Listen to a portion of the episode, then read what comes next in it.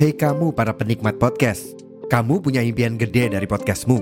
Tools di First Story bisa banget bantu kamu. Mulai dari F-Link, Dynamic Audio Insertion, sampai statistik yang komprehensif, semua ada di First Story. Gak ketinggalan, kamu bisa monetisasi podcastmu lewat iklan dari First Story Ads yang bisa kasih kamu penghasilan dari setiap place podcastmu. Yuk gabung sekarang dengan klik di firststory.me. Sekali lagi, di firststory.me. Mari kita bawa mimpi podcastingmu menjadi kenyataan.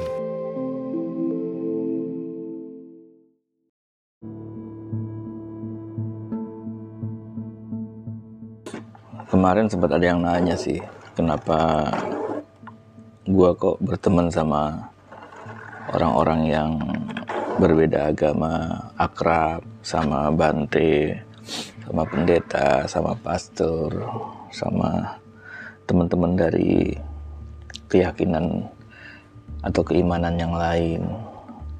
Apakah gua harus mempelajari agama-agama mereka, keimanan-keimanan mereka yang beragam itu.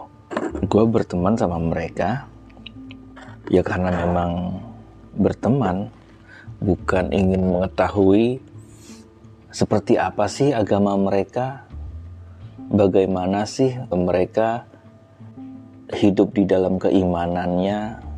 Gue nggak ke situ sih bertemannya buat gua berteman itu adalah sebuah proses kita sebagai manusia agar bisa menjadi manusiawi. Itu berteman natural loh, semua orang bisa melakukan ini. Kalau kita memang tulus berteman, nggak perlu loh mempelajari agamanya, mempelajari bagaimana cara dia beriman, cara dia memahami hidup, memahami rumit. Buat gue berteman nggak perlu serumit itu.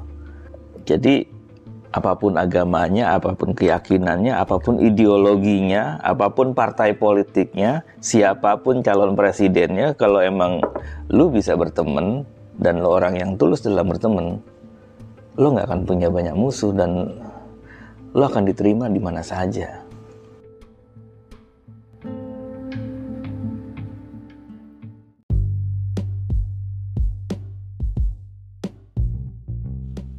Terima kasih sudah mendengarkan podcast MT. Eh, berbagai topik juga sudah dibahas lebih dulu uh, di episode yang sebelumnya. Anda bisa browsing di uh, daftar apa saja yang sudah saya publish dan untuk apa yang belum saya publish selalu nantikan podcast MT. Terima kasih, Jabat Erat.